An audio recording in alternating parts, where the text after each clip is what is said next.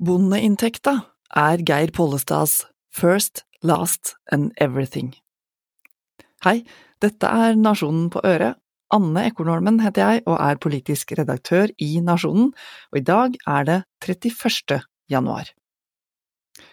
Vil statsråden behandle dette som et vedtak fra stortingsflertallet? FrPs Carl I. Hagen var fast bestemt på å få landbruksminister Geir Pollestad fra Senterpartiet til å forplikte seg fra Stortingets talerstol tirsdag. Han stilte spørsmålet to ganger, for sikkerhets skyld, da Riksrevisjonens rapport om matsikkerhet og beredskap for landbruket ble debattert. Det vil si, debattert og debattert, bare en håndfull representanter krevde taletid, og noen voldsom temperatur ble det ikke i løpet av de 25 minuttene ordvekslinga varte. Kontroll- og konstitusjonskomiteen hadde tross alt på forhånd levert en enstemmig innstilling, en som ganske enkelt sluttar seg til Riksrevisjonen sin kritikk. Hva annet kunne de egentlig gjøre? Kritikken var rammende, presis og treffer bredt. Ingen tidligere i regjeringen kan fri seg fra ansvaret, eller rettere sagt fra den ansvarsfraskrivelsen som er bedrevet over år.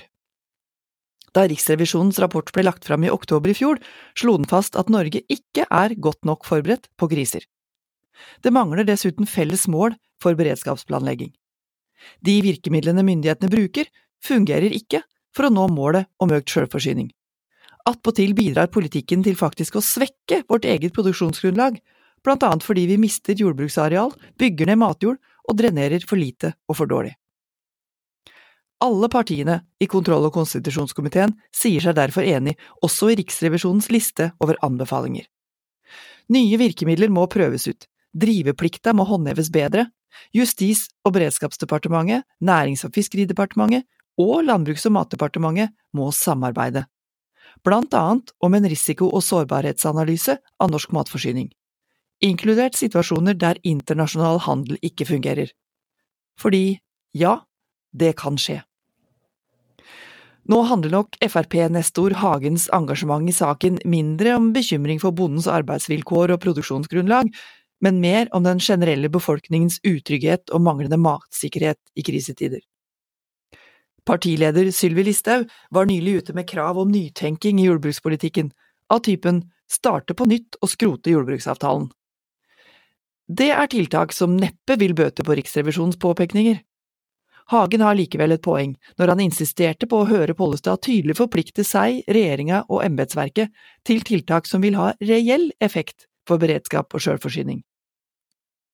Vekslende regjeringer har ikke tidlig nok sett behovet for skjerpa beredskap. Norge er ikke godt nok forberedt på vesentlig svikt i mattilgangen. Erna Solbergs regjering bygde for eksempel ned beredskapslageret for korn.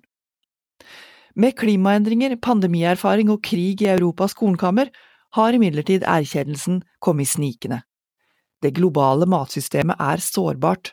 Vi trenger bedre nasjonal matsikkerhet i tider der handelen ikke går som normalt. Totalberedskapskommisjonen peker på det samme. Pollestad holdt seg likevel til det formelle. Merknader er merknader, og vedtak er vedtak, parerte han. Sjøl om kontroll- og konstitusjonskomiteens innstilling er politisk enstemmig, er det ikke formelt det samme som et stortingsvedtak.